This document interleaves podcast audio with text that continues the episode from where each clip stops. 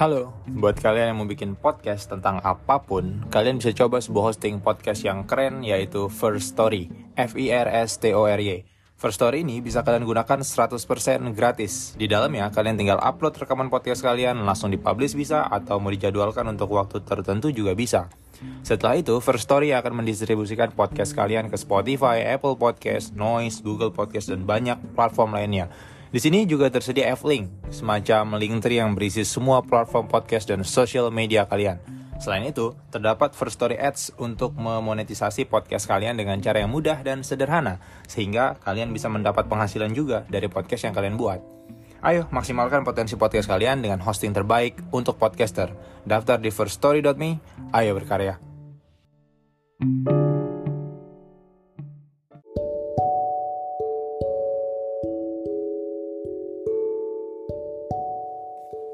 Halo, kembali lagi bersama saya Dinsya Mahendra, your book reader. Criminal Mind, the book of serial killers.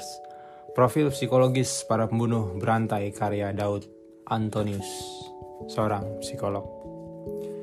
Elizabeth Behtori, bangsawan yang suka mandi darah. Nama lengkapnya adalah Elizabeth Behtori The, S, The Exit lahir 7 Agustus 1560, meninggal 21 Agustus 1614. Pada usia 54 tahun, meninggal ketika dihukum uh, penjara seumur hidup. Tuduhannya adalah penyiksaan, pembunuhan, dan meminum darah korban.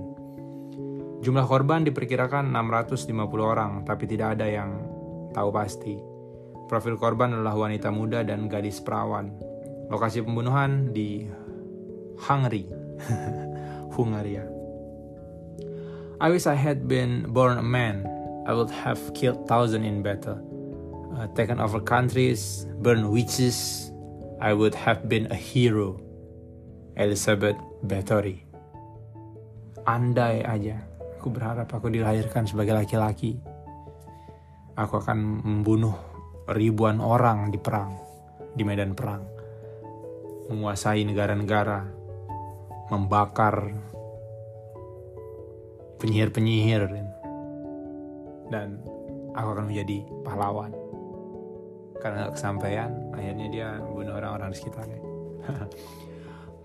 Vampir atau Dracula adalah legenda makhluk penghisap darah yang berasal dari banyak mitologi di Eropa, Yunani, bahkan Asia.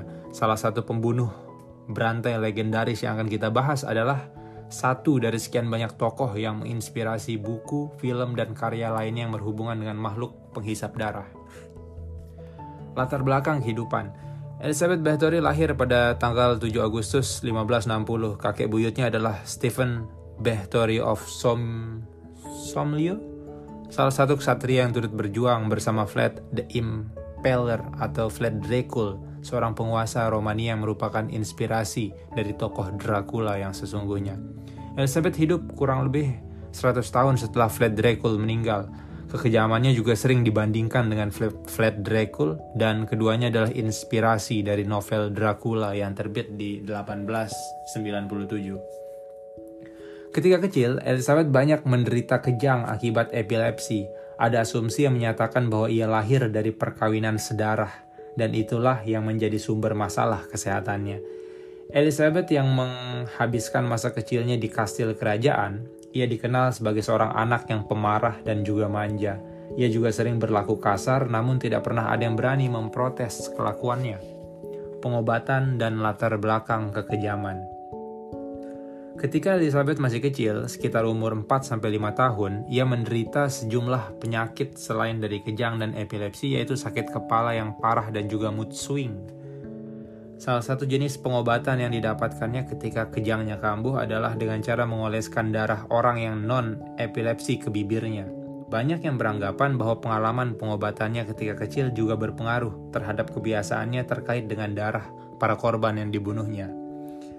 Pada saat remaja, Elizabeth dikenal banyak menunjukkan sisi maskulin.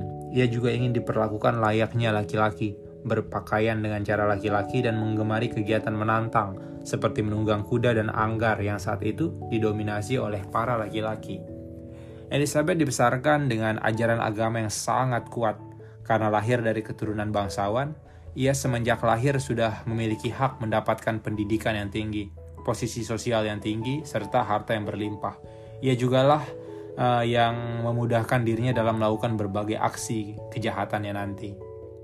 Sewaktu kecil, Elizabeth sudah akrab dengan kekejaman yang sering dilakukan oleh pengawal istana kepada para petani, seperti memasukkan pencuri ke dalam perut kuda dan membiarkannya hingga mati ke dalam perut kuda.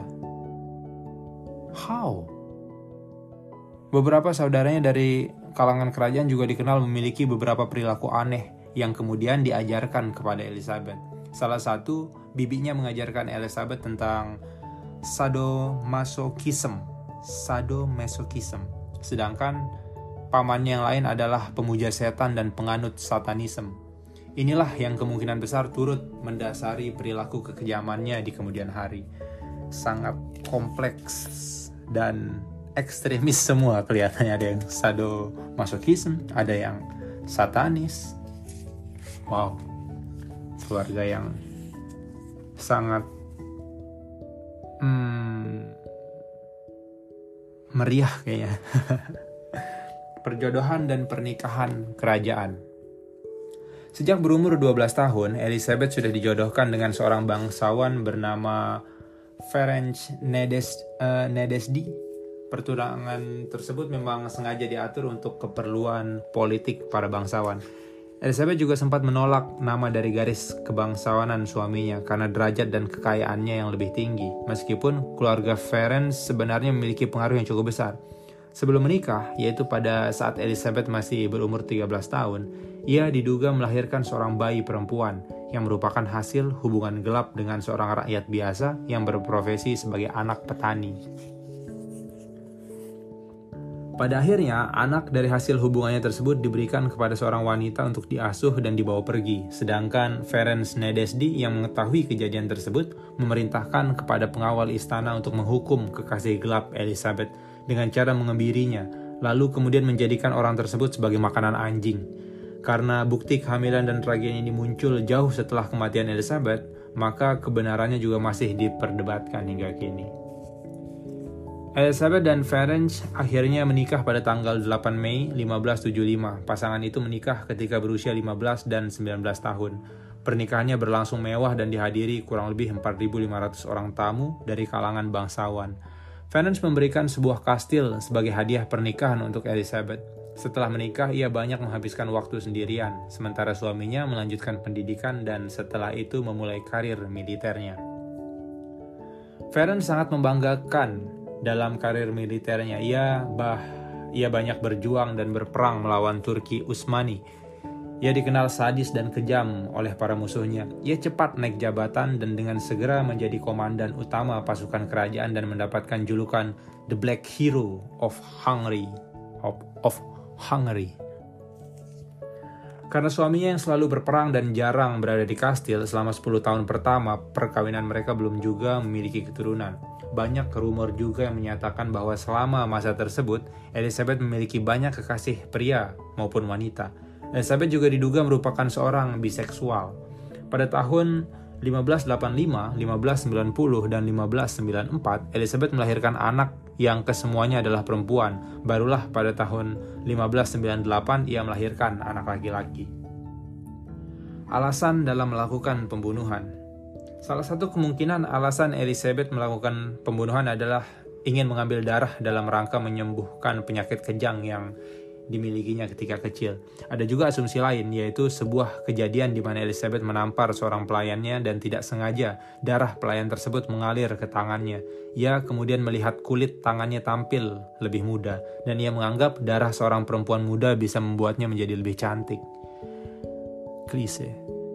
Dalam berbagai kisah diceritakan bahwa Elizabeth kemudian membunuh pelayannya tersebut dan mengambil darahnya untuk diminum dan dijadikan rendaman untuk mandi kamar eksekusi Elizabeth. Sejak kejadian pertama yang ia lakukan, Elizabeth menjadi ketagihan darah wanita muda dan melakukan pembunuhan terhadap para pelayannya. Tujuannya untuk membuat dirinya tampak lebih muda. Bahkan suaminya yang mengetahui kebiasaan itu membuatkan satu ruangan khusus untuk Elizabeth mengeksekusi para korbannya. Sangat disupport. Ia bahkan mengurung, menyiksa, dan membiarkan para korbannya kelaparan. Banyak juga metode penyiksaan kejam muncul dari suaminya yang dikenal kejam juga dalam medan peperangan. Rumor mengatakan bahwa tindakan kejam dan ritual mandi darah Elizabeth juga didorong oleh seorang pelayan di istana yang bernama Dorothy Zenstis yang dikenal sebagai seorang penyihir yang tertarik dengan berbagai hal mistis. Dorothy juga lah yang membimbing Elizabeth dalam melakukan hal-hal yang tidak masuk akal. Selain itu, beberapa orang di istana juga turut membantu kegiatan penyiksaan yang dilakukannya. Elizabeth juga mendapatkan kepuasan seksual dari penyiksaan. Ia sangat suka memukul dan menyiksa korbannya dari depan. Hal tersebut karena ia bisa melihat ekspresi kesakitan dan menderita dari mereka. Kematian suami dan teror dimulai. Suatu ketika, suami Elizabeth menderita sebuah penyakit misterius yang ia dapat dari medan pertarungan. Ia terluka di bagian kaki secara permanen, sempat bertahan selama dua tahun, namun kemudian meninggal pada tanggal 4 Januari 1604. Itu diabetes sih. Cuman mereka belum ngerti dulu. Luka permanen. Kematian suami berdampak tidak terkendalinya kekejaman yang dilakukan oleh Elizabeth. Setelah pelayan wanitanya habis ia bantai, ia bahkan mencari para gadis di sekitar desa terdekat. Ia memancing mereka untuk bekerja di kastil dengan bayaran yang tinggi. Selain itu, gadis dari kelas menengah juga dipancing ke istana dengan dalih ingin mengajarkan tata kerama istana kepada mereka. Tidak cukup dengan hal itu semua, Elizabeth juga berburu gadis muda dengan cara menculik mereka dari jalan dan tempat tinggalnya. Semua dilakukannya untuk memenuhi ritual mandi darah. Berdasarkan beberapa keterangan, Elizabeth juga melakukan pengasingan terhadap ibu mertuanya sendiri untuk lebih leluasa dalam menebar aksi teror, penculikan, dan pembunuhannya. Mengingat ibu mertuanya adalah sosok yang tidak terlalu akur dengannya dan secara tidak langsung menghalangi perbuatannya tersebut. Penyelidikan dan persidangan Kabar mengenai kekejaman Elizabeth pun telah menyebar ke seluruh negeri. Seorang menteri juga mengajukan keluhan tersebut kepada pihak kerajaan. Namun, karena keluarganya dari golongan bangsawan penting, pihak kerajaan perlu pikir panjang dalam mengusut kasusnya. Sampai pada akhirnya keluhan tersebut menjadi semakin besar dan sejumlah korbannya merupakan gadis bangsawan.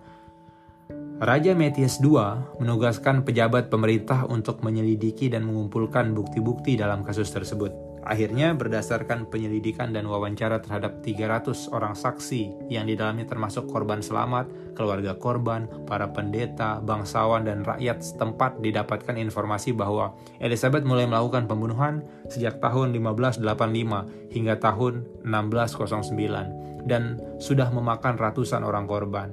Kemudian pada tanggal 30 Desember 1610, pejabat negara dan sejumlah tentara masuk dan menerobos kastil milik Elizabeth di sana mereka kemudian dikejutkan dengan mayat seorang gadis yang berada di lantai kamar eksekusi. Terdapat juga beberapa gadis lain yang sekarat akibat siksaan dan setelah mereka menggali bagian bawah kastil ditemukan setidaknya 50 mayat wanita lainnya. Elizabeth kemudian ditangkap dan ditahan, namun anak dan saudaranya mengajukan protes. Mereka berpendapat bahwa Raja Metius II sengaja mempermalukan keluarga besar bangsawan, apalagi mengingat di masa lalu Raja Metius II memiliki hutang terhadap suami Elizabeth, dan jika Elizabeth dijatuhi hukuman mati, maka hutang tersebut akan dihapuskan. Akhirnya, sidang tetap dilanjutkan pada 2 Januari 1611. Puluhan orang bersaksi setiap harinya menuntut keadilan atas perlakuan kejam dan sadis yang selama ini mereka terima. Korban Elizabeth diperkirakan berjumlah 650 orang. Data ini didapatkan dari tulisan tangan Elizabeth sendiri yang memuat nama-nama mereka. Tulisan tersebut ditemukan oleh seorang pelayannya. Namun, karena sulit dibuktikan, pihak pengadilan menetapkan 80 orang sebagai korban resminya berdasarkan mayat yang ditemukan dan keterangan pegawai istana. Elizabeth kemudian diputuskan bersalah bersama dengan empat orang kaki tangannya. Tiga di antaranya di dieksekusi mati dan satu orang menjalani hukuman sumber hidup. Karena Elizabeth memiliki gelar bangsawan yang cukup tinggi dan terpandang, ia akhirnya menjadi hukuman penjara di sebuah sel khusus yang berada di dalam kastil sebelum dilanjut uh, kalau kita mau berpikir secara agak reverse dan konspirasi ya bisa jadi Raja Metis II ini memang membuat skenario itu dengan kekuasaannya dengan intimidasi kepada banyak orang sehingga membuat skenario hal semacam ini gitu. karena dia kan punya utang yang banyak tuh Jadi dia buat karena sejarah itu kan ditulis oleh pemenang. Sehingga mungkin aja semua ini hanya konspirasi yang disusun oleh Raja Metis II untuk uh, membuat Elizabeth memang se psycho itu gitu. Sehingga akhirnya dia harus dijatuhi hukuman dan hutang-hutangnya lunas. Mungkin aja tapi ya it's been long Elizabeth menjalani hukuman pengasingan dan isolasi sebagai dampak dari perbuatannya. Hukuman tersebut dianggap tidak adil mengingat jumlah korban yang sangat banyak. Raja Metis II pada awalnya menginginkan hukuman mati, tapi karena desakan para keluarga bangsawan dan menghargai sepupunya yang adalah seorang perdana menteri dan masih memiliki hubungan saudara dengan Elizabeth, ia menyetujui hukuman tersebut. Setelah empat tahun menjalani hukuman pengasingan dan kurungan dalam kastil, pada tanggal 21 Agustus 19 no, 1614, Elizabeth sempat mengeluhkan perasaan dingin yang ia rasakan dan setelah pergi tidur keesokan harinya pengawal yang mengantarkan makanan untuknya tidak mendengar suara apa pun dari dalam sel tersebut. Pengawal itu Pengawal itu lalu mengintip dan melihat Elizabeth sudah tidak bernyawa. Ia meninggal di usia 54 tahun. Ketika dimakamkan, jenazah sempat mendapat penolakan dari penduduk setempat. Akhirnya dipindahkan dan tidak diketahui keberadaannya hingga kini. Kasus Elizabeth menjadi sorotan dalam sejarah Hungaria. Beberapa sastrawan berpendapat bahwa Elizabeth adalah korban konspirasi politik. Ada kan yang berpendapat seperti itu? Karena ia dan keluarganya memiliki kekayaan yang besar dan daerah kekuasaan yang sangat luas pada saat itu. Namun bukti dan sejumlah saksi yang memberikan keterangan juga tidak bisa dikesampingkan. Bukti dan saksi bisa diciptakan. Sampai saat ini Elizabeth masih menjadi pro dan kontra. Apakah ia benar-benar melakukan kekejamannya atau memang sengaja dikisahkan untuk menjatuhkan pengaruh keluarganya? Sekian. See you next episode. Jack the Ripper, si pencabik legendaris yang penuh misteri. Bye.